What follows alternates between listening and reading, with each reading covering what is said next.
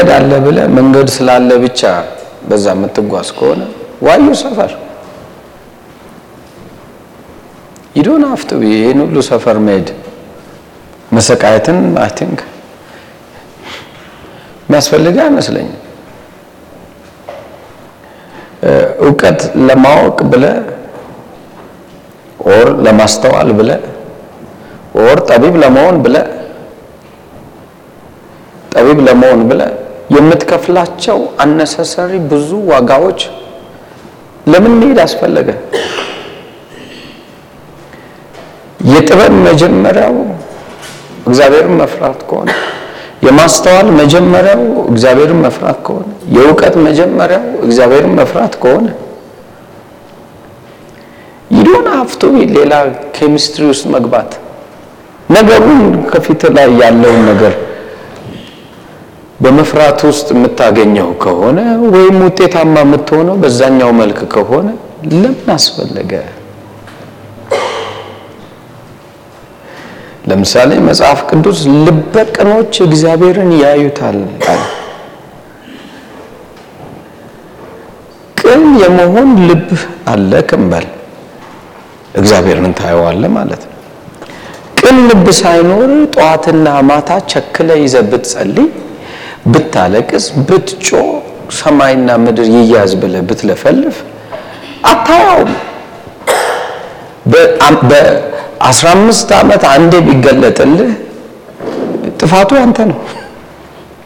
ቅን ብትሆን ግን በአንድ ቀን ውስጥ እግዚአብሔር ወደ መልስ ካመጣክ የትኛው ይሻላል? short መንገዱ ይሻላል ወይስ የራስን መንገድ መከተል ነው? ምን ያህል ብልጣብልጥ ብትሆን በእግዚአብሔር መንግስቱ ውስጥ ብልጠት ብሎ ያስቀመጠው ነገር የእሱን ቃል መጠቀም ነው። በሱ መንገድ መሄድ ነው። ደግሜ እላለሁ፣ በሱ መንገድ መሄድ ብልጥ ካስባለክ በሱ መንገድ መሄድ ብልጥ ካስባለክ ምን ይሻልሃል? በሱ መንገድ መሄድ ነው የሚሻለ? በሱ መንገድ ነው መሮጥ የሚሻለ? ኦ! ያንተ የራስህን አቅም መጠቀም ወይንም ደግሞ ሌሎች ክርስቲያኖች ሲያደርጉ ያየኸውን ብልጣብልጥ የኑሮ ዘይቤ መከተል። ተሳክቶላቸው ዛሬ ወይም ደግሞ ብልጣብልጥነታቸው ዛሬ ጠቅሟቸው ስታይ አሀ መንገዱ ይህች ናት ብለህ ብትሄድ ከአምስት ዓመት በኋላ እንገናኝ ነው መልክ ከዙ እግዚአብሔር በሰው ፊት አይደለም። ማን ሆንክ ምን ሆንክ እንዲሰራልኝ ለምሳሌ አምስት ሚሊዮን እውሮችን ምድር ላይ ያሉትን በሙሉ ብፈውስለትና እግዚአብሔር ከላይ ሆኖ በለው ፈወሰልኝ ምናምን አይልም። የፈወሰው እሱ ራሱ ነው እና ምን ኢምፕረስድ ይሆናል? እግዚአብሔር የሚፈልገው የልብህን የህይወት መስመር ነው። ደግሜ እላለሁ፣ እግዚአብሔር የሚፈልገው የልብህን የህይወት መስመር ነው። የልብህ የህይወት መስመር የመጨረሻ ወሳኝ ነው በሱ ህይወት ውስጥ። ትዕቢተኛ ልብ ካለ እርሳው እስክትወጣ ድረስ ትዕቢቱ ያስቀምጣል። ምን ይላል በእንግሊዘኛው? እግዚአብሔር ትዕቢተኛውን resist ያደርገዋል። resist ማለት ምን ይላል? ይቃወመዋል ነው አማርኛችን የሚል resist ያደርገዋል። እንዳያልፍ፣ እንዳይከናወንለት፣ እንዳይወጣ ምን እንዳ እዛው ገትሮ ይዘዋል። እግዚአብሔር እኮ ነው did you see ስለዚህ የሚሻል ነገር የቅንነት መንገድ የቅንነት መንገድ የተሻለ ነው። መጽሐፍ ቅዱስ ልጄ ሆይ ቅን ሁን። ቅን መሆን ማለት ለእግዚአብሔር እኔ ቅን ነኝ ምናምን ማለት እግዚአብሔር አይሰማህም። እሱ ቅን መሆን ማለት ለሌላ ሰው ነው።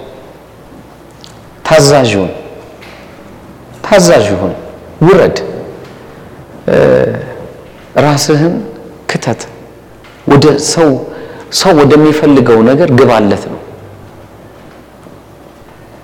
እንበልና ሰው ከመምጣቱ በፊት ወንበሩ ብትንትን ሆኖ ተመለከት። ምን አገባኝ ብለህ ስትቀመጥ እግዚአብሔር ባይዘው ትልቅ ነገር ማናችንን ገምቶን አያውቅም፣ አስቦም አያውቅም። መቼም ቢሆን መቼም ቢሆን I learn so many things በእግዚአብሔር መንግስቱ ውስጥ እግዚአብሔር አንድንም ሰው በትልቅ ነገር ፈትኖት አያውቅም። ሁሌ ሲፈትን በወረደ በማትገምተው ተራ በሆነ ነገር ነው።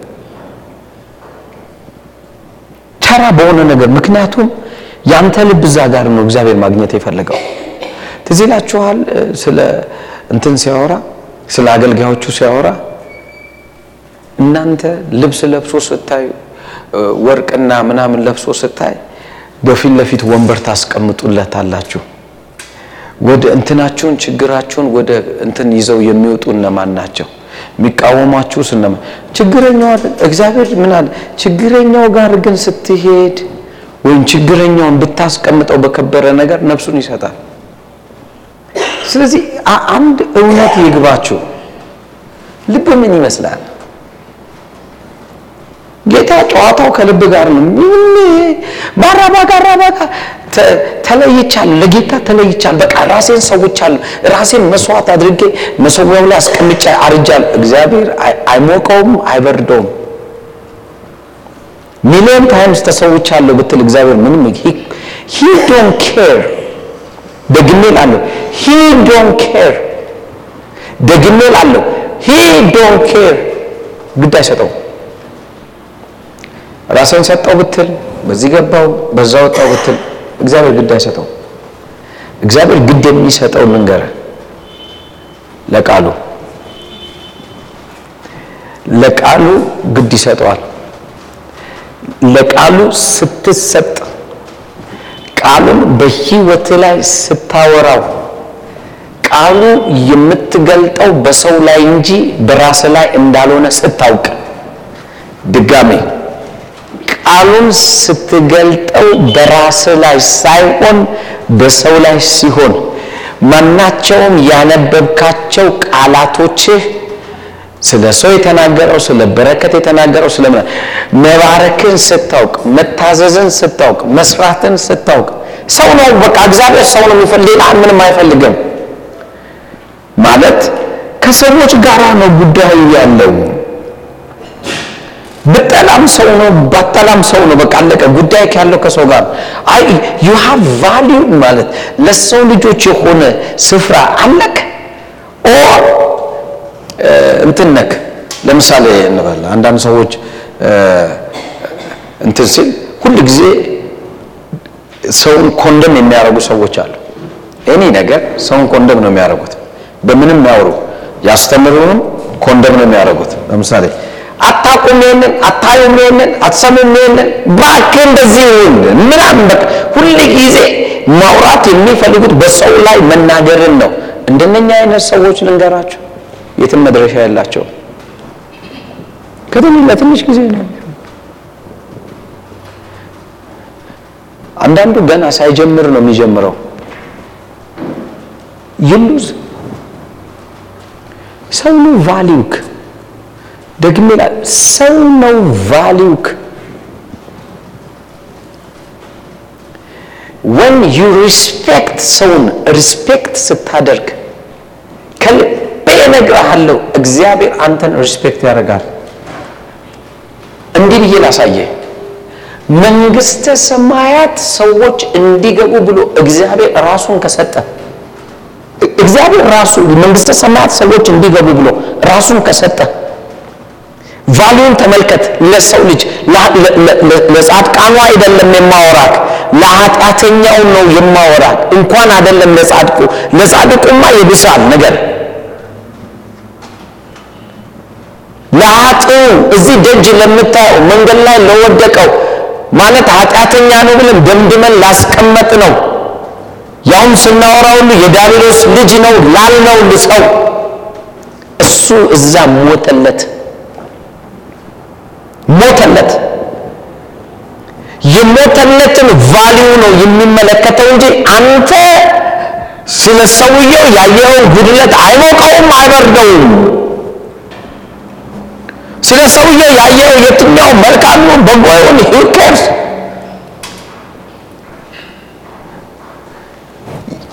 የማገልገል key point ወይም ለአማኞች key point ልንከርክ ለአማኝ key point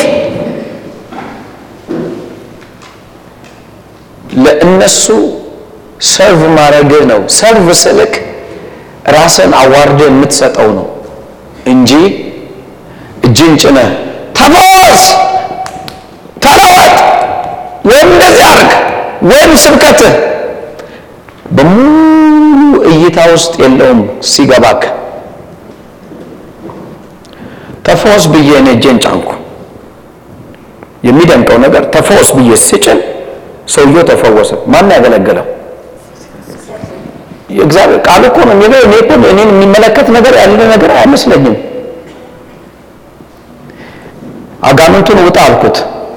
ማን ነው የሚያስወጣው? Okay፣ በመጽሐፍ ቅዱስ ላሳይ። ማርቆስ ምዕራፍ 16 ቃሉን በድንቅና በታምር ያጸና ከነሱ ጋር ወጥቶ አብሮ ይሰራ ነበር። ስለዚህ ማን አንተ ስራውን የሚሰራው ኦሮልስ ህሊናክ በአንተ የሚሰራ የሚያደርግ ከመሰለ የሩቅ ሰው አይደለም፣ የሳምንት ሰው ነው፣ የወራቶች ሰው ነው። ጎመን ነክ። ድጋሜ እነግርሃለሁ። እንዲገባክ በራሳችን ቋንቋ ጎመን ጎመን ይበቅላል በሶስት ወር ያልቃል በሶስት ወር። በላይፍ ላይ ጎመን ከምትሆን ብትሞት ይሻላል። opportunity ውስ እያለ እድሉ እያለክ why you want be ጎመን palm tree መሆን እየተቻለ የጎማ ዛፍ መሆን እየቻለ አምስት መቶ ዓመት ሙሉ የሚሰራ አምስት መቶ ዓመት ሙሉ አምስት መቶ ዓመት ሙሉ የሚሰራ የጎማ tree በደንብ አስተውል። አንድ ቀንም ያለ ጊዜውም በጊዜውም ጎማ ያፈራል። አንድ ዛፍ ፈሳሹ የሚወጣው ለአምስት መቶ ዓመት አምስት ዓመት ግን በጣም የሚገርማችሁ ነገር ውሃ እየጠጣ እንኳን አድጎ አያውቅም። እዛው ነው የሚቀረው። that's why እዚህ ምድር ላይ ማታየው ለምንድን ነው ሲባል እንደ ጎመን ነው ሁሉ ነገር የምንፈልገው። አገር ሁሉ የሚተከለው ባህር ዛፍ አይደል? በስድስት ወር እንዲደርስለት ምድር አፈርን የሚጎዳ ግን በምድር ላይ እንደ ባህር ዛፍ የለም ብታውቅ። ግን በየቦታው የሚተከለው ምንድን ነው? ባህር ዛፍ። ለምን? ጭንቅላታችን wrong ነዋ፣ wrong ነው። የግራር ዛፍ መሆን እየተቻለ ከአንድ ሺህ ዓመት በላይ መስጠት የሚችል የምንፈልገው ግን ባህር ዛፍ ነው። ዓለም ላይ ባህር ዛፍን ለማጥፋት ነው የሚሯሯጡ። እኛ ሀገር ደግሞ ባህር ዛፍን ለማብዛት የሚገርም እንደዚህና እንደዚህ ቁነን ኢቭን ለሰው ልጅ እንኳን የባህር ዛፍ እንትኑ ስሜሉ እንትን አለው ጉዳት አለ። እንደው ለመዳኛ ተብሎ ደግሞ እኛም ደግሞ የሚደንቀኝ ግን ይባሱኑ ነው ልብህን ሳምባ የምታጠፋው። እኔ ምን አይነት አስተስ ረስ ተውኝ ባካችሁ እዚያ ለምን የሚጎዳንን እና የሚጠቅምንን እንኳን ለይተን የምናውቅ ሰዎች አይደለም። አገልግሎታችንም ልክ እንደ ባህር ዛፍ ነው። የዛሬ ሰው በቃ በስድስት ወር የሆነ ትቆረጣለህ፣ ማገዶ ትሆናለህ። ከዛ ጠብቃ ለምን እንደዚህ አይነት ጉዞ ውስጥ እንሄዳለን? we can see ትልቅ ነገር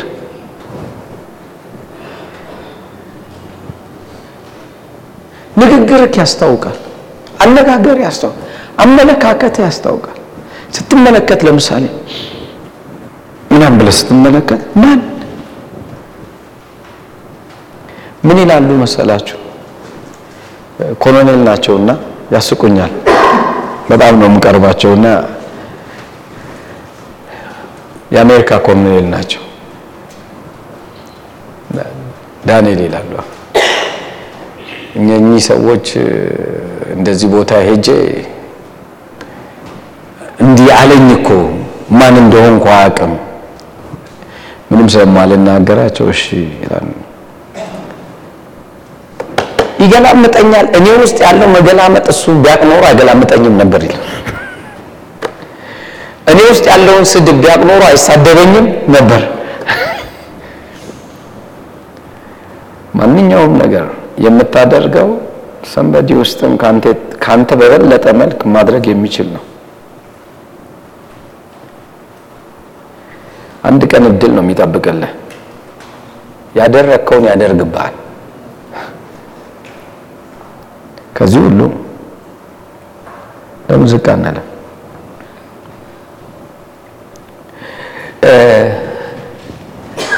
እንደ ሌላ አገልጋይ እንድትሆኑ አልፈልግም። ኔቨር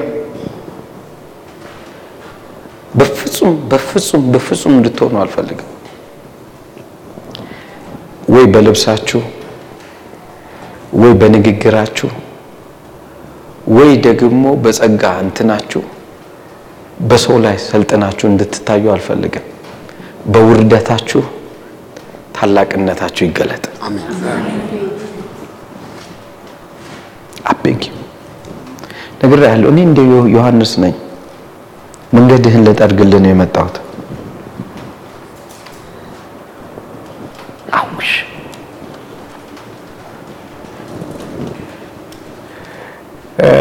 ስላያሃቸው በቁጣ አገልጋዮች ሆነው ሁለት አጋንንት ስላስወጣ በቃ ሁለት አጋንንት ሶስት አጋንንት አንጫጭተው በቃ ዛሬ የነበረው ፕሮግራም ምናምን ብለው ግርግር ፈጥረው ሲሄዱ በሙዚቃ አጅቦ በምናምን ተደባድቦ ምናምን ሲሄዱ ስታይ በቃ እና ሲናገሩ ያዘው ምናምን ሰው ላይ ሰለጥኑ ስታይ ባክተው ያ ህይወት አይደለም። ሰውን ውረድ። ጌታ የትልቅነት መጀመሪያው መውረድ ነውና። አፒኪው አውሽ አውሽ አውሽ። ታላቅ ሰው ሆነ ባይክ። አውሽ። መንገዱን የማሳየህ ከኢትዮጵያ የሚነሳ ሰራዊት አለ። whether we like it እንዲህ ስል ብትወድም ብትጠላም ተረኛ ነክ ተረኛ ሆነክ ሳለ ተረኛነትን ግን ማበላሸት መብትክ ነው።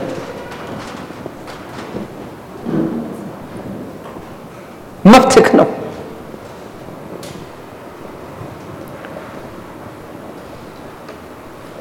መብትክ ነው።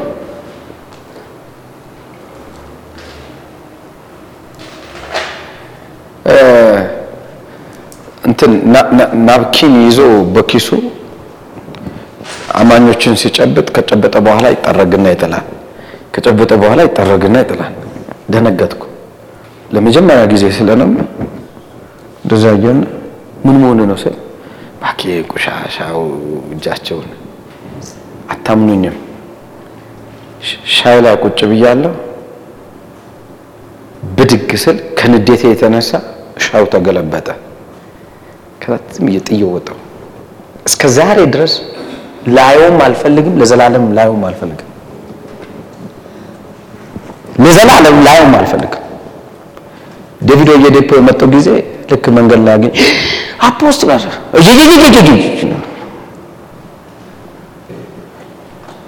ምክንያቱም ይሄ ህዝብ ጋር ነው አብሮ የሚኖረው። ይሄ ህዝብ ጋር ነው የሚያገለግለው። እግዚአብሔር respect አድርጎ ህዝቡን እኮ ቆሞ እያገለገለ ነው። አሁን እኮ እኔ እኮ አይደለም እሱ እኮ ቆሞ ምን እያደረገ ነው? እያገለገለክ ነው። እሱ respect ያደረገውን somebody እንደ ቁሻሻ አድርጎ ሲመለከት እሱም ያኛውም እኮ እድል ቢያገኝ እኮ እሱ የሆነውን መሆን ምን ይላል ይችላል። እንደውም የተሻለ መሆን ይችላል። ነገር ግን value አይ ከጥቂት ዓመታት በኋላ እንኳን እሱ ትዝታውም እንደማይኖር ብቻ አድርግ።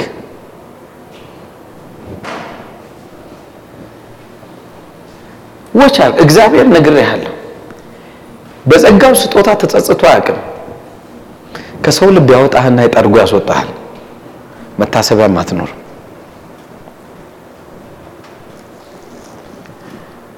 see what he did for you at same time ደግሞ ለ somebody እሱ የሰራውንም ይህ አንተ ራስህን እንደምትወደው ያህል somebody ም ራሱን ይወዳል። even though ራቁቱን እንኳን ቢሄድ ራቁቱን ምንም ባይኖረው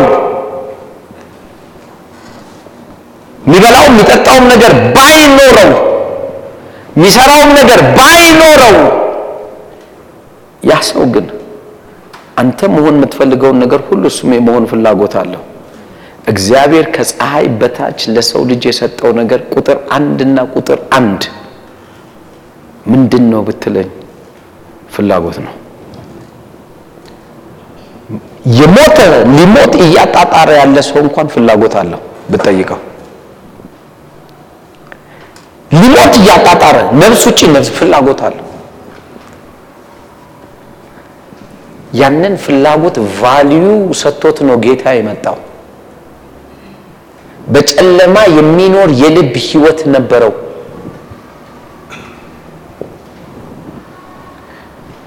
ስለዚህ wake up የቅኖች መንገድ በእግዚአብሔር የተጠበቀች ናት ይላል አማርኛችን። ነገር ግን እንግሊዘኛው ስቴፑ የተረጋገጠ ነው ማለት አረማመዱ በእግዚአብሔር እንትን የተረጋገጠ ነው። አረማመድ አትንሸራተትም። ድጥ አይበላም። ድጥ አይበላም። መንገድ ነው ብለህ የምታስበው እንቅፋቶች አይወስዱም። ጉድጓድ ውስጥ አትገኝም። በመንገድ ላይ መሰናከያ አይኖርም ይላል። ቾይስ አሁን የገባህበት መንግስት የመውረድ መንግስት ነው። ደግሜ ላለው የመውረድ መንግስት ነው። you know the largest church in this planet ላይ አሁን የ Bishop ዴቪድ ኦየዴፖ ነው። በአንድ ጊዜ መቶ ሺህ ህዝብ ነው የሚሰበሰበው ቸርቻቸው ውስጥ። በእሁድ ቀን ስድስት service ነው ያላቸው። ስድስት መቶ ሺህ ህዝብ እሁድ ቀን ይሰበሰባል። በአንድ ቀን ነው የምልህ። ያውም ቦታ ተሰጥቶ ነው ቁጥር ስትገባ ይሞላል። ትወጣለህ። ደግመ እንዳትመጣ ትባላለህ። እየሰማኝ ነው? ፕሮግራም እኮ ነው ማውራ፣ ኖርማል ፕሮግራም። ስለዚህ አንደኛውን shift እንትን ፕሮግራም አድርገህ ተምረህ ሁለተኛ shift ቁጭ ብለህ ልትማር ምን አትችልም። ቁጥር ነው። መቶ ሺህ ህዝብ አላማቸው አንድ ሚሊዮን የሚይዝ አዳራሽ ለመስራት ነው። አሁን ደግሞ እሳቸው watch አድርግ every Tuesday and Thursday እሳቸውም እንደሚያደርጉ ይሄዳሉ። መንገድ ላይ ወንጌል ይሰብካሉ። የሆነ የወደቀ ለማኝ ምናምን ሲያገኙ ያስመጣሉ። እግሩን ያጥቡታል። እንትን በገንዘባቸው ስንት እንዳላቸው ታውቃለህ? የግላቸው ገንዘብ አሁን ከቸርች ጋር ያልተያያዘ ነው። ያልተያዘ ገንዘብ ሰባት መቶ ሰማንያ ምናምን ሚሊየን አጠገብ እላለሁ። እንኳን ደስ አለ ብለው ይሄ church ን አይመለከትም። ሴቶች ምናምን ምናምን ደማምረው ያመጡት ይህንን ነው። የእሳቸውን amount የራሳቸው ገንዘብ ማለት የራሳቸው እንዲህ church ን አንተ ሰባት መቶ ምናምን ሚሊዮን ቢኖር እንዴት እንደምትኖር አስበው። ሁለት ጊዜ ፕሮግራም ቆመክ መልእክት መጥቶልህ ሁለት ሰዎችን አንጫጭተህ ከዛ በኋላ ጨርሰህ አይደል እንዴ?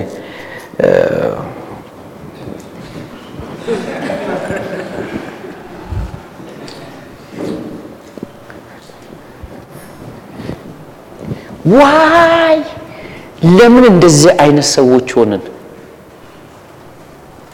አስተማሪ የሉንም። ጭንቅላታችን ድሃ ነው።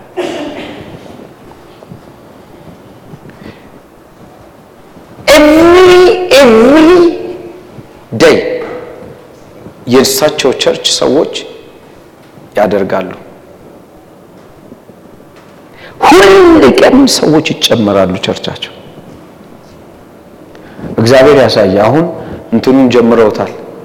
አንድ ሚሊየን ህዝብ የሚይዝ አዳራሽ። እኔ ምን አይነት እንደሚሆን እግዚአብሔር ነው የሚያውቀው። በምን እንደሚገናኙም እግዚአብሔር ይወቀው። አንድ ሚሊዮን ህዝብ እንደዚህ እንደምታስበው አይደለም። አሁን ለመገመትም ምክንያቱም ተሰብስቦም ስለማያውቅ አናውቀው እና ህልማቸው ልንገር። መቶ አርባ ዓመት አይደለም መኖር የሚያስቡት ያሉት እሳቸው። አንድ መቶ ሀምሳ ዓመት እኖራለሁ። ምክንያቱም ያዕቆብ መቶ አርባ ዘጠኝ ዓመት ከኖረ አሉ እኔ ከሱ በልጫ አሳይቻቸው ሄዳለሁ አሉ ለዚህ ምድር።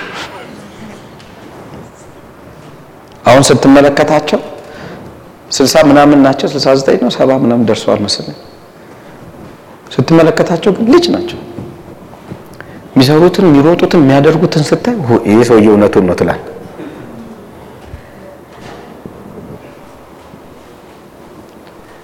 think they show us life ን አንድ ቀን ታማቁ? አንድ ቀን በሳምንቱ ሳምንቷን ሙሉ ያገለግላሉ። ልንገር ሚስጥር 18 ሰዓት ነው የሚያጠፉት ሰውን በማገልገል። 18 ሰዓት። think አድርግ እና አሁን አገለገልን ብለን እናወራለን? መዙ ነጋ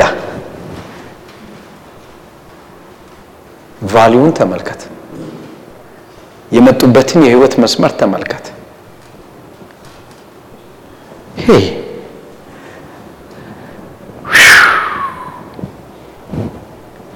ሁለቴ ቸርቹ ስናገለግል አይደለ ሶስተኛ ደጅ ላይ ወጥቶ መስበክ የሚከብደው ሲባል እኔ እኮ ፓስተር ነኝ፣ እኔ ነብይ ነኝ፣ እኔ apostle ነኝ፣ እኔ ጨቡዴ ነኝ ማነ እኒህ ሄኖክ አዴቦዬ እኚህ አሁን የመጡት የእግዚአብሔር ሰው? The largest church in this planet ማለት church ኦች ብዛት የ church ኦች ብዛት። እኔ ሳውቅ እንኳን እኔ ሳውቅ ነው የምላችሁ። ሳውቅ ነው የምልህ እኔ ሳውቅ። መቶ ስልሳ ሺህ ቸርቾች አላቸው። church ነው ያልኩ ሰው አይደለም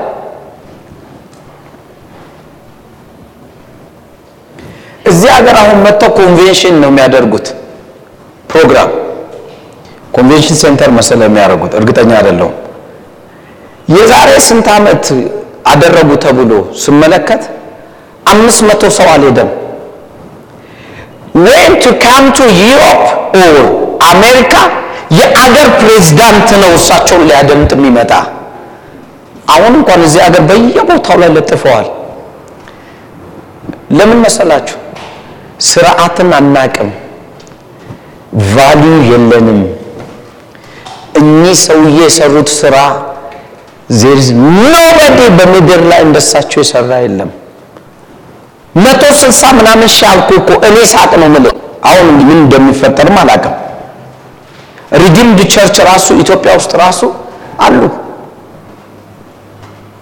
ሌላ ዓለምማ አይነገርም።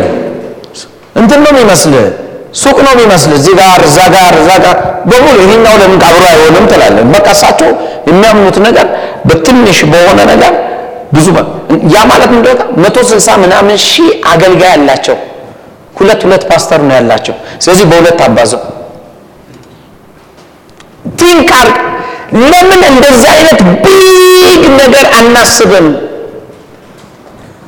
ለምን ስራ ውስጥ ለምን አንገባም ይችላል እግዚአብሔር።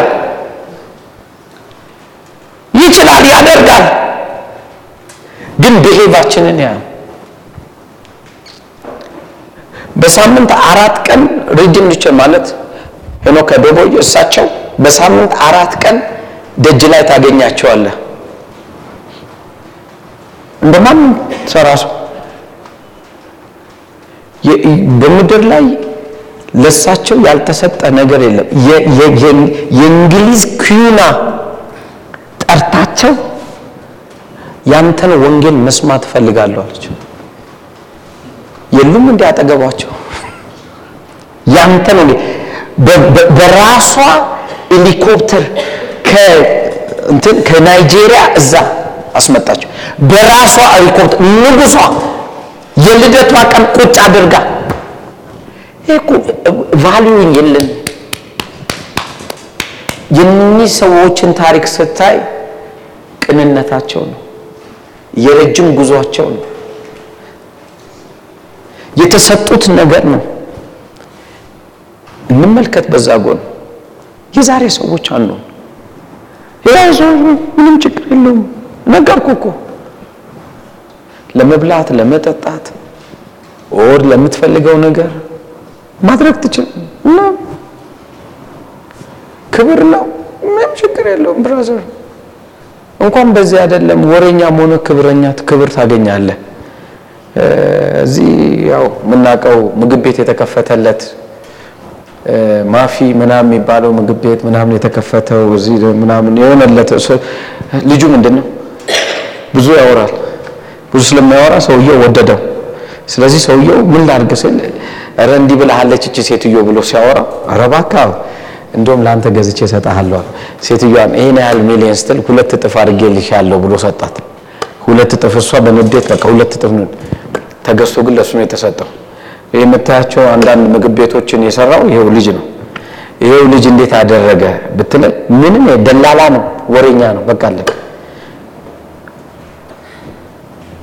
life እንደዚህ ግን ገንዘብ ይዘህ ክብር እንትን ይዘህ በቃ አለ የምትለውን ነገር ኖሮክ ገንዘብ የሌላቸው አክብረውክ ብትኖር ምንድነው benefit ኡ?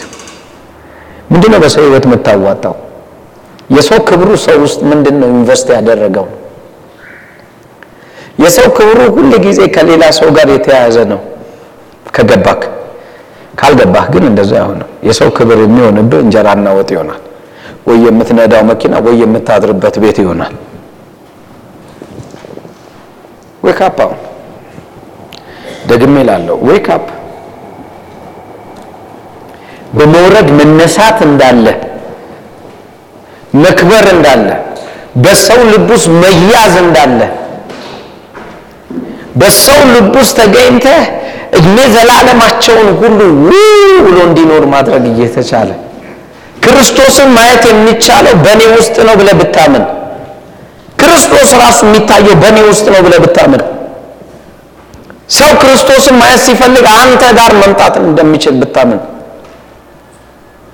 የሚደንቅ ነገር ናይጄሪያን ሀገር ላይ እንትን ሆነ። ሰውየው ወንጌልን ይሰብካል። ወንጌልን ሲሰብክ ሰዎቹ የሚያምኑት ነገር እንትን ነው፣ ጣዖትን ጁጁ ነው ምናምን ነው። እሱ ግን በቅንነት አብሯቸው ያርሳል፣ አብሯቸው ይበላል። እየጎዱትም እሱ ምን ያደርጋል? መልካም ያደርጋል። ከዛ አንድ ቀን መንፈሱ ምን አለው? እሱን ግደሉት አላቸው። አለዛ ሰላም የለም ሲሉ ወስደው ገደሉት። ነጭ ሰው ነው by the way እንግሊዛዊ ነው። እውነተኛ ታሪክ ነው የምነግርህ። ገደሉት። ከዛ ሁለተኛው ሚሽነሪ እዛው እዛ ቦታ ላይ ሲሄድ ሲሰብክ ሰማ ና ወንድምህን እናሳይክ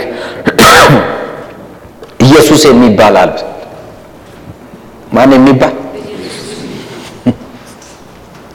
እሱ ደግሞ የኔ ወንድም ኢየሱስ የሚባል አለ። አዎ ያንተ ወንድም ኢየሱስ የሚባል የሰበከን ኢየሱስ ወሰዱት። መቃብሩን አሳ እዚህ እኮ የሞተው ያንተ ኢየሱስ አሉት። ከዛ በኋላ ታሪኩ ምንድን ነው እንዴት ነው ምናምን ብሎ ነገሩት። እሱ ደግ ሰው ነበረ። እሱ ልጆቻችንን ያስጠጋ ነበር። እሱ መልካም ሰው ነበረ። ከሞተ በኋላ ሁላችን ተጸጽተናል። ከሱ ወገን የሆነ ሰው አንድ ሰው መጥቶ ቢያወራን እኔ ቤተሰቡ ነኝ ቢለን እሱን በቃ ይቅርታ ልንጠይቅ እንፈልጋለን። ዲዲዩሲ ሰውየው ሞቷል፣ ግን ኢየሱስ ብለው ነው የሚያምኑት ሰውየው ለምንድን ነው ኢየሱስ ብለው ያመኑት? የሚሰራላቸው መልካም ነገር እንጂ የሰለጠነባቸውን አይደለም። እሱን ወርዶ ነበር የሚያገለግላቸው። እናንተ ወንድም ነው አሉት። አዎ። ከዛ ሲሰማ ታሪኩን አለ ያንተ ወንድም ነው። አዎ። እንደሱ ትሆናለህ አሉት። እንደሱ እንድንሆን ነው ኢየሱስ ያስተማር እሱን ያስተማረ ከአንተን ይሉታል። እነሱም ያውቁት ኢየሱስ ማን ነው? that's why እግዚአብሔር የሚፈልገው ሁላችንንም አንተ ሞተ እሱ እንዲታይ ነው የሚፈልገው። አንተ ሞተ እሱ ተገልጦ እንዲወጣ ነው የሚፈልገው። wake up በጌታ ከልቤ wake up የሆነ ቦታ ባኑ ይቺ ዓለም ውሸት ናት። ደግሜ ውሸት እንዲህ ብዬ ላስረዳ፣ ውሸት ነው። ስትይዘው ባዶ ነው፣ በቃ የለም። ንፋስም መያዝ ትችላለህ። ይኸው ነው ታሪኩ፣ በቃ አለቀ። ንፋስም መያዝ ነው። ብር እንዲኖራችሁ ፈልጋችሁ ብር የያዛችሁ ሰዎች እና አሁን ስታዩት ምን ሆነ? ለካ ብሩ ምንም እንደሆነ አወቅ። ለካ የምትፈልገውን ነገር ከመግዛት ውጭ ምንም ሊያመጣልህ ምን አይልም አይችልም። ለካ ለጭንቅላትህም እረፍት አይሰጥ፣ ምንም አይሰጥም። ጌታ ብለህ ያለቀስክለት የጮክለት ነገር ለካ አየር ነው። አልገባም ፈረንሳይኛ ቢኖረኝ ብፈልገው ምናምን እያልክ ስትጮህ የነበረው ነገር ለካ ባዶ ነው። ሕያው እግዚአብሔር ምስክሬ ነው። ከእንትና የበለጠ ምችም ከሰለሞን የበለጠ እዚህ ቤት ውስጥ ያለ ሰው ባለ ሀብትም ሆነ ሆነ ሰለሞን ንፋስ እንደመከተል ነው ካለ በቃ ንፋስም እንደማለት ነው እንደመከተል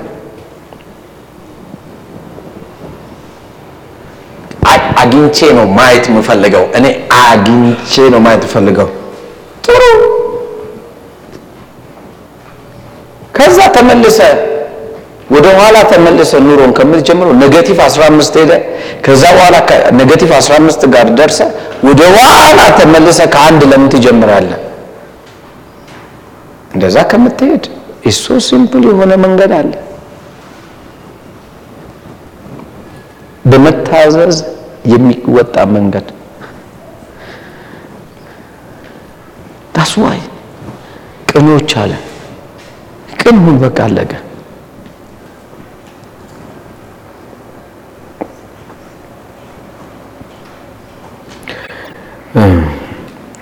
ደስ የሚለኝ ቃል አለ በመጽሐፍ ቅዱስ። እግዚአብሔርን በሚፈሩት አለ። እግዚአብሔርን በሚፈሩት ምሕረቱን አጠነከረ። አላቤት ምሕረቱን አጠነከረ ማለት normal አይደለም። የእግዚአብሔር ምሕረት አንተ ላይ so much so much ስንቶቻችሁ ምሕረቱን በአንተ ላይ እንዲያጠነክር ትፈልጋለህ? አጠነከረ ማለት defense አደረገ ለነሱ የሆነ ነገር ሲመጣ even ተሳስተው እንኳን defense ስለምትፈራው ብቻ መፍራት የምለው ነግሬሃለሁ፣ ጌታው እፈራሃለሁ ምናምን እሱ ተረት ተረት ጨዋታ ድሮ ቀርቷል። ከሰው ጋር ያለ ህብረት ነው። ከሰው ጋር ያለ fellowship ነው መፍራት ማለት። አንተ የምትወደው እንዲሆንን ለምትፈልገው ለሌላ ሰው ማድረግ ነው። አንተ የምትፈቅደውን ለሌላ ሰው ፈቅደ ማድረግ ያ ነው። አንተ እንዲደረግብህ ማትፈልገውን ለሌላ ሰው አለማድረግ ነው። that's all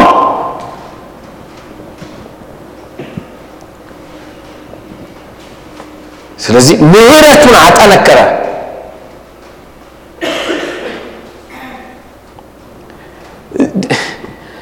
ነው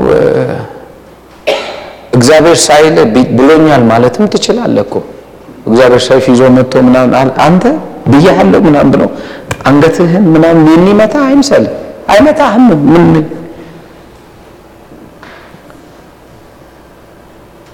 ሚልህ ነገር አንድ ነገር ነው፣ ደፋር። በቃ ብዙ እግዚአብሔር እንዲህ ነው ደፋር ብሎ ዝም ነው የሚልህ። እና ምንድን ነው ታውቃለህ? አንተ ሰውየውን ለመያዝ ብለን ያንን ያወራኸው ጭራሽ ከሰውየው ውስጥ አንተን አውጥቶዋል። እና ምን ትሆን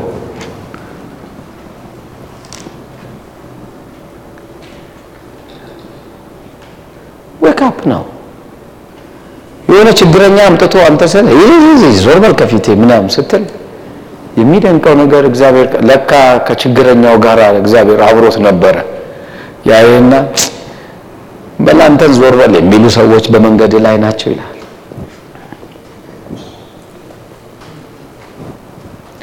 ብዙ እግዚአብሔር እንትን አያደርግም፣ ቀመር የለውም እንዳንተ እንትን። ነገር ግን አንድ እውነት ነው፣ ሰውን ስታከብር እየፈራህ እንደሆነ ይገባዋል። የሆኑ ሰዎች የሆነ ነገር እንደማቅ ያውቃሉ። እንደማቅ ማለት literally እንደማቀው አውቃለሁ፣ እኔም እንደማቅም ያውቃሉ ምናምን። ግን just እያወኩ ግን ዝም ነው የምልህ እና ያንን ነገር በጎ ነገር ሰራለሁ ማላቅ መስሏቸው ወይ በቃ የሆነ ነገር መስሏቸው መጡና ዳኒ ይሄ እንዲህ ምናምን ተናነቃቸው። መሆኑን ታውቃለህ። በቃ ዛሬ እኛ ጨንቆን ነው የመጣ ነው ነው ወይ አውቃለሁ እኮ አልኩ። አቀለልከው አሉ። እኔ አስተያየቴ ይህ ሰው እግዚአብሔር ይወደዋል ወይ ነው እንጂ ለሰውየው በጎ ማደርገው እኔ ደግ ስለሆንኩ እግዚአብሔር ለሱ በጎ ስለሆነ ብቻ እስከ ዕለተ ሞቱ ድረስ እግዚአብሔር በጎ ነው ለዛ ሰው እድል ነው የሰጠው። እድል የሰጠውን ሰውዬ እኔ እንዴት ገፈዋለሁ? እኔ እንዴት ላባረው? እኔ እንዴት እንዲላል? እኔ እንዴት ስነግራቸው ድሮም ትምህርትህን ጠማማ ነው። አሁንም በቃ why ሰውኛ ህይወት ውስጥ ከሄድክ አገልጋይ መሆን አያስፈልግህም። ደግሜ እነግርሃለሁ። ሰውኛ አስተሳሰብ እንደሆነ አገልጋይ መሆን አያስፈልግም።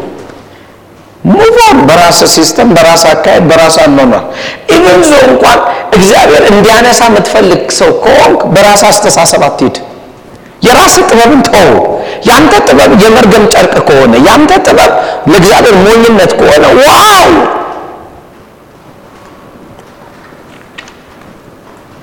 why ለምን አስፈለገ? you don't have to be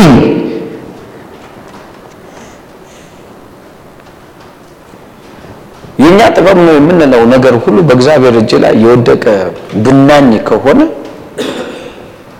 ይዶን ሀብት ወደ ኋላ እንመለስ። ወደ እግዚአብሔር መፍራት ምሕረቱን አጠነከረ። ውይ በኢየሱስ ስም እኔ እንዴት እንደምታስቡት አላ እግዚአብሔር ምሕረቱን አጠ ከዚህ በላይ ምን ትፈልጋለህ በህይወት ላይ any direction በ life ላይ ተሳስተ እንኳን የሆነ ክፉ ነገር ብጠጣ እንኳን ምሕረቱን ስላጠነከረ ለአንተ የሚሆን ነገር አለ። even እያወቅህ እንኳን የሆነ ነገር በራስ ላይ ብታደርግ ያ ነገር እንዳይደርስብህ እንኳን ያ ነገር እንዳይጎዳ እንኳን ምሕረት አለው። ለተሳሳተ ሰው ነው by the way ምሕረት ያለው። እውነት ነው፣ ውሸት ነው? እውነት ነው። መዝሙር 34 ቁጥር 9 አሁን እንዴት እንደምታስቡት እግዚአብሔር በሚፈሩት ላይ ምሕረቱን ካጠነከረ ማሰብ ያለበት ምሕረት የሚባለው ነገር በአንተ ህይወት ውስጥ መዝሙር 34 ቁጥር 9 ላይ እንዴ ሰዎች አይሆፕ እዚህ ቤት ውስጥ የእግዚአብሔር ምሕረት ማይፈልግ ያለ ሰው ያለ አይመስለኝም። ግን ከዛ ያለፈ ግን የሚሆን ነገር አለ። የሚፈሩት አንዳችን አያጡምና ቅዱሳን ሁሉ እግዚአብሔርን ምን በሉት ፍሩት። ሶሪ መዝሙር ሶስት ላይ ይቅርታ፣ መዝሙር መቶ ላይ መዝሙር መቶ ቁጥር ዘጠኝ ቁጥር 11 ሶሪ ሰማይ ከምድር ከፍ እንደሚል እንዲሁ እንዲሁ እግዚአብሔርን ምሕረቱን በሚፈሩት ላይ ምን አደረገ? አጠነከረ። ሰማይ ከምድር እንዲሁ ከፍ እንደሚል ምን አይነት promise! ምን አይነት promise የእግዚአብሔር ቃል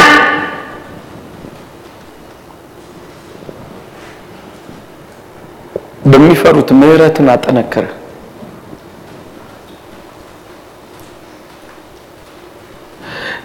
ይህ ነው በህይወቴ በመጽሐፍ ቅዱስ ላይ ከሚደንቀኝ part ነው ይሄ።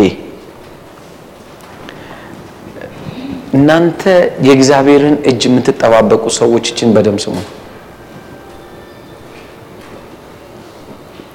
ሁሌ ስላችሁ ምለው ነገር ነው። በተቻለ አቅም የደከመ አገልጋይ ይሁን የወደቀ አገልጋይ ይሁን even የእግዚአብሔር ቤት ውስጥ ያለ አገልጋይ የሆነ ያልሆነ ምእመን ተራ ዛሬ ጌታን የተቀበለ ይሁን አትንካ ከማክበር በስተቀር ሌላ ነገር አይኑር። negative አታስብ ብዬ ሁሌ ነው የምነግርህ። ለምንድን ነው የምልህ? በመጽሐፍ ቅዱስ ላሳየ ይህ ነው ከወንድሞች ወይ ከእህቶች አንዱን የሚያሰናክል የወፍጮ ምን ድንጋይ ምን ብሎ ተሸክሞ የት ቢወርድ ይሻለዋል? ወደ ባህር ቢወረወር ይቀላል። ይቀላል ማለት ምንድን እግዚአብሔር ሄደህ እኮ የወፍጮ ድንጋይ ከተሸከምክ እንዴት እንደምትወረወር ታውቃለህ። ውሃ ውስጥ እንደ ሮኬት ነው የምትገባው። እሱ ይቀላል ካለ እዛ ተደፍቀ ብትሞት ቀላል ነው ካለ ምን ማለት እንደፈለገ there is no way out ምህረት የሚባል ነገር የለም። ዲዩሲ ምህረት የሚባል there is no mercy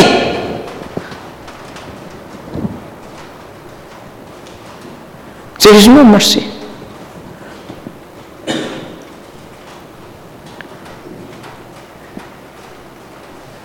That's why ሪስፔክት የሚል እግዚአብሔር። በሰዎች ማለት በሌላ ቦታ ላይ ምን ይላል ምሳሌ በእግሮቻቸው መርበብን የሚዘሩ ይላል። መሰናከያን የሚዘሩ።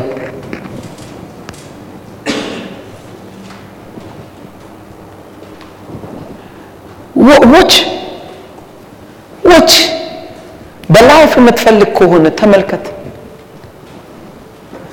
ሊመጣ ያለውን ንፋስ የምታስብ ሰዎች ኢትዮጵያ እጆቿን ትዘረጋለች።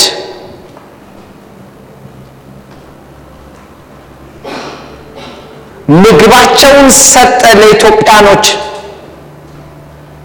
ዓለም ትጠብቀናለች። እግዚአብሔር እድሉን ሰጥቶክ ያወራሃል። አሁን መሆኑ አይቀርም፣ መፈጸሙ አይቀርም። ነገር ግን አንተ መሆን ሲገባክ እና ሆነ ሆኖ በአንተ ህይወት ላይ ተፈጽሞ አንተ ግን የወፍጮ ድንጋይ ይዘህ ብትሮጥ ምን ይጠቅመሃል? what's benefit ለአንተ አሁኑን እንዴት እንደምታስበው ዓለም ሁሉን አትርፈ አንተ lose ብታረግ ምን ይጠቅመሃል?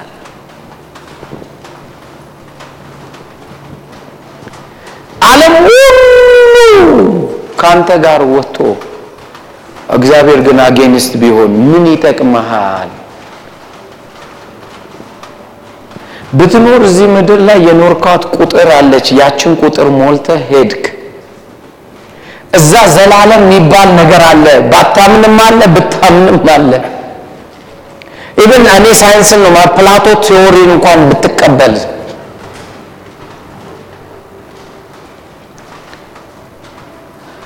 ሰዱቃዊ ነኝ ብትል እንኳን ሰዱቃዊ ምንድን ነው ሲባል ከዚህ በኋላ ህይወት የለም ብሎ በቃ እዚህ ምድር ላይ ነው ህይወት ያለው ብሎ የሚያምን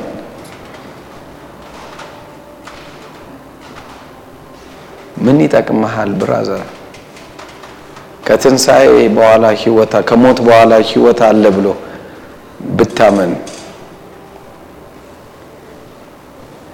ያንን ህይወት lose ብታረግ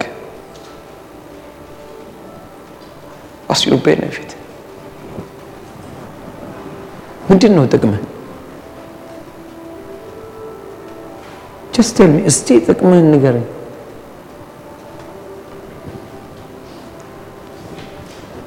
ምሕረቱን አጠነከረ በሚፈሩት ሰዎች በሚፈሩት ሰዎች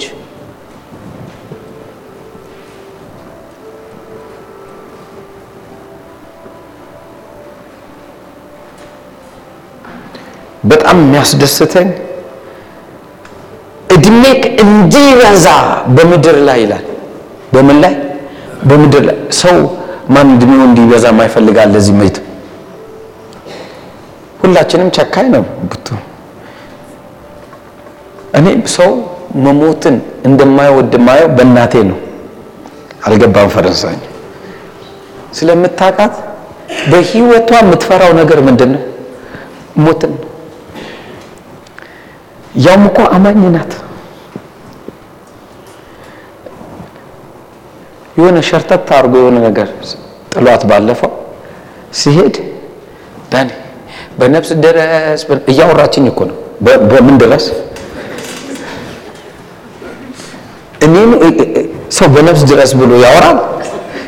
ሞት ላይ ያለ ሰው አያወራም። ሄጄ ሰ ሁይ አልሞትም አልሞትም አልሞትም አልሞትም። እንዴ ማን ነው ትሞቻለሽ ያለ? አውቄዋለሁ እኔ አልሞትም አልሞትም። ማነገረሽ በቃ አልሞትም አልሞትም። ደሜ ፈሶ አልቋል አለች የት ጋር ነው የፈሰሰው? ሻርፕ ላይ ነው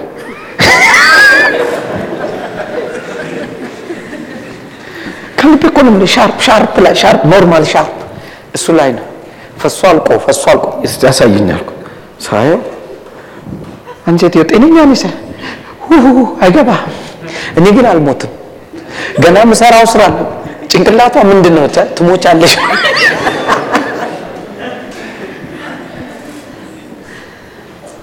ቲቲሲ ሰው ሁሉ ምን ማለት ነው የሚፈልገው? መኖር ነው።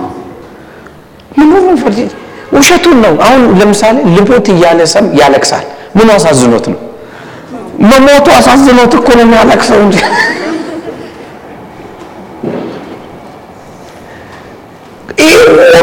እንዳትሞት የምትፈልግ ከሆነ ማለት ረጅም እድሜ በምድር ላይ መቆየት የምትፈልግ ከሆነ መፍራት is shortest cut የሆነ የህይወት መስመር መጥቶልህ ካለ ይት ለምን አትጠቀመው? ይገርማል። ደግ ሰዎች በምድር ላይ እኮ አይቆሙ አንተ አይቆዩ ተብሏል ምናምን ሰዎች ነው ተረት ተረት ያወሩት brother። በእግዚአብሔር ዓለም ውስጥ እንደሱ አይደለም። በእግዚአብሔር ዓለም ውስጥ ሌላ ነው። ምዕራፍ ዘጠኝ እንሂድ ምሳሌ ምን እንደሚል ተመልከት። ምዕራፍ ዘጠኝ ቁጥር 10 እና 11 የጥበብ መጀመሪያ እግዚአብሔርን ምን ማለት ነው? መፍራት ነው። ቅዱሱንም ማወቅ ምንድን ነው? ማስተዋል ነው። ቀጥሎ ያለውን ተመ ዘመኑ በእኔ ይበዛልና በምን በእኔ ምን ይላል? ለምንድን ነው ይበዛል? እግዚአብሔርን መፍራት። ስለዚህ የሚሆነውን ተመልከት።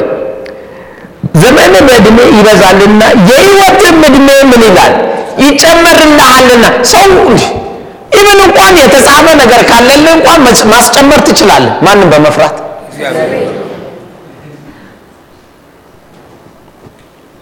ይህ ማለት ነው። ምሕረቱን በአንተ አጠነከረ። የሆነ አደጋ መጥቶ ልተርፍ አትችልም ተብሎ የሆነ አደጋ ውስጥ የሚገርመው ነገር ለአንተ እድሜ ስለተጨመረ ወጥተህ ትሄዳለህ።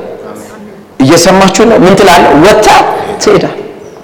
የሐዘን እድሜክ የመከራ እድሜክ በሙሉ እያሰብካቸው ነው፣ በደስታ ይሞሉልሃል። እድሜ ይጨምራል። በስቴ በመፍራቴ በልስቴ ዲዱሲ ወይኔ ጌታ ወይ እንዳልሞት አደራን እንዳልሞት ድፍት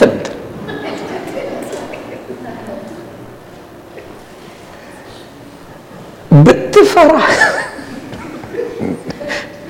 ብትፈራ ግን ኢቭን ጸሎት እንኳን አያስፈልግም። አንተ ለምን ለምን የትግል ህይወትን ትጀምራለህ? there is way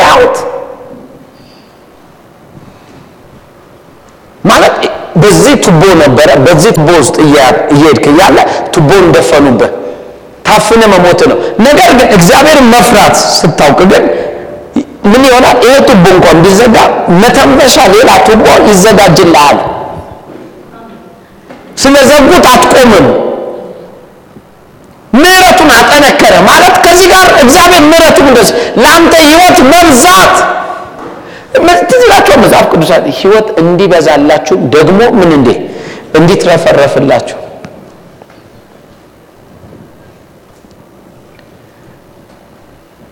መፍራት የሚባለው የህይወት መስመር። ይህ ነው። አንድ አገልጋይ ቁጭ ብሎ ስለ ሌላ ሰዎች ስለ ምእመኑ በተለይ አሁን ስለ ቁጭ ብዬ ባማክ ስለ አንተ ቁጭ ብዬ ጎሲፕ ባረግ ስለ ቁጭ ብዬ ወይ ጉድ ሰው ናት እንዴ? ሰው ነው እንዴ? አሃሃ ደግሞ እግዚአብሔር እንደው ያሳየኛል። የራስን ልጅ ያሳያል። በቃ ትጠፋታል ሁሉ ነገር ቁልቁለት መንገድ ነው የሚይዝልህ።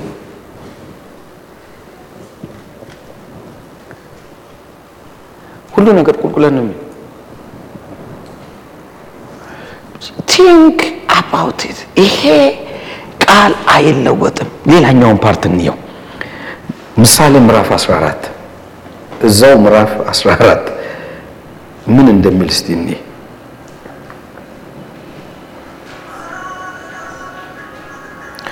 ቁጥር 26 እና 27 እግዚአብሔርን ለሚፈራ ጠንካራ መታመን አለው ለልጆቹ መጠጊያ ያኖራል በኢየሱስ ስም ለማን? እኔ አይዶን ነው ምን እንደምታስብ አላውቅም። እግዚአብሔር የምትፈራ ልጆቼ ምን ይኖራቸዋል? መጠጊያ። ጌታ ሆይ አደራህን ልጆቼን ማን አላችሁ ያላንተ ጌታ አደራ ላንተ ሰጥቻለሁ። ጠዋት ጠዋት እየተነሳ ታው እግዚአብሔርን ፍራ። መጠጊያ ታኖርላቸዋል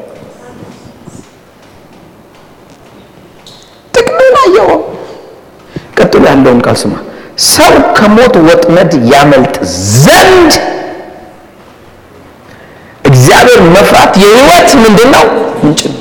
ሰው ከሞት ወጥመድ እንዴ! ወንድሜ ጨዋቱን ተውና እግዚአብሔር መፍራት ቁጭ ብለህ እስቲ ራስን በቃ ጠይቅ። ለምን ራስን አታለማመድም exercise ነው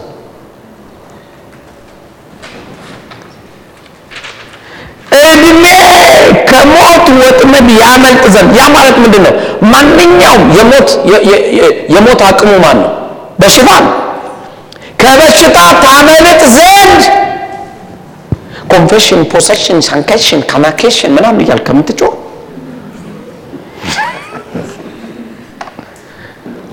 ይገባል አይደለም ብለው መናገር ነው። ጤንነት ጤንነት ተናገረ ተፈውሰና ተፈውሰና ተፈውሰና ቃሉ ይሰራል ቃሉ ይሰራል። ይሄ ሁሉ ከምትሮጥ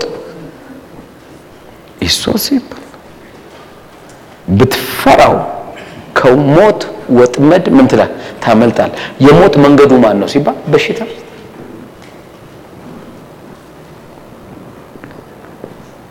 አረ ዌክ እንዴ!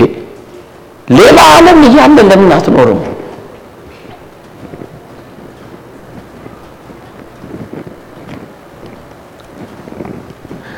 አትውረድ እነ ሌሎቹ አትውረድ በጌታ።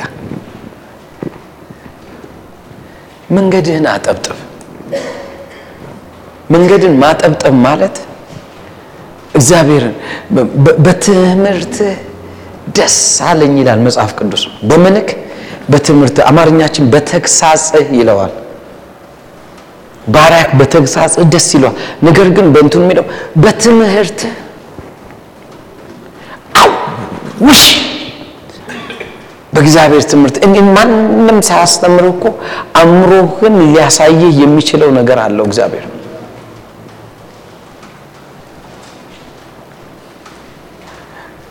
ስለ ክፉ ነገር ስታወራ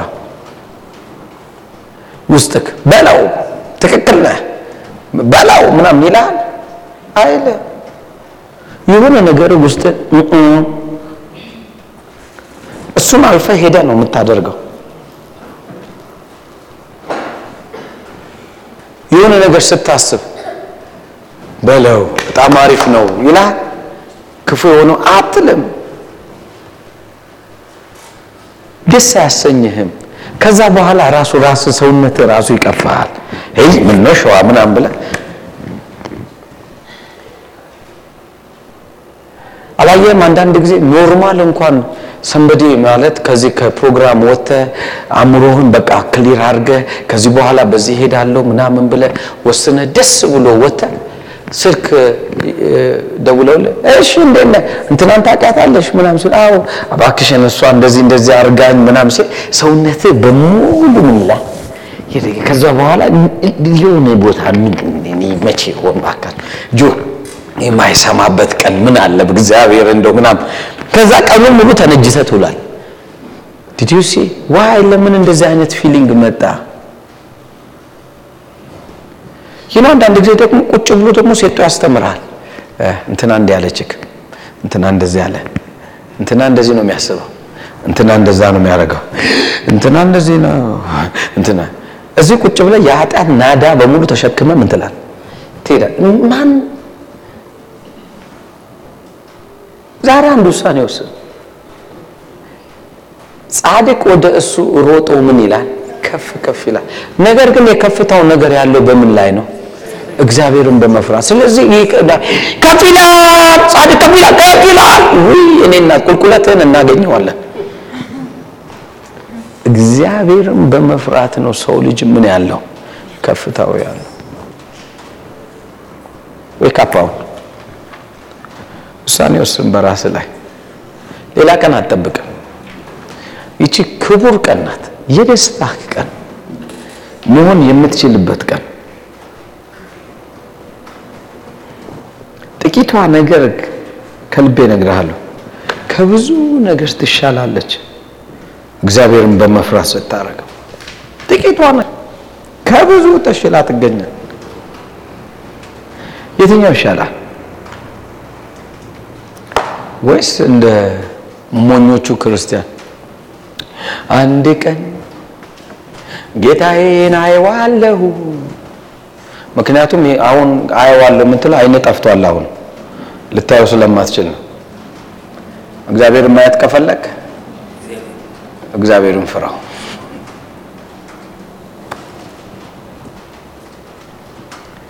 እግዚአብሔር የት ነው ያለው? በሰው ውስጥ ነው። እግዚአብሔር ነው ያለው በመካከላችን። ሆል ይኖል ሂር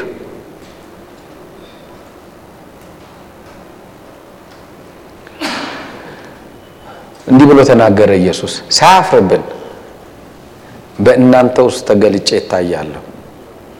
አያፍርብም እኮ በጌታ በኢየሱስ። ለካ ሰውን ስታገለግለው ማንን እያገለገልክ ነው? እግዚአብሔር wake up በብዙ ምድራችን ላይ ክርስቶስን የምናሳይ ሰዎች ብለን ካመን ብዙ ይጠበቅብናል። ብዙ መውረድ፣ ብዙ መውረድ ይጠበቅብናል። ከዛ የበለጠ ደግሞ ምንም ነገር የለም። ሰው መሆን የምትፈልግ ከሆነ ካልሆነ ግን ቀጥለው እንደ ማንም መንደርተኛ ፔንቴ የሆነ ትሞታታለህ። በቃ አለቀ። yours። የመንደር አገልጋይ ሆነ ትጨርሳለህ። አስራ አምስት ሰው ትሰበስባለህ። አስራ አምስት አውሬዎች አብረውክ ይኖራሉ። አንተ አውሬ ነህ። ከዛ በኋላ ያ አውሬው ይገለጣል። አውሬው የሆኑትም ወንድምና እህቶች ይገለጡልሃል።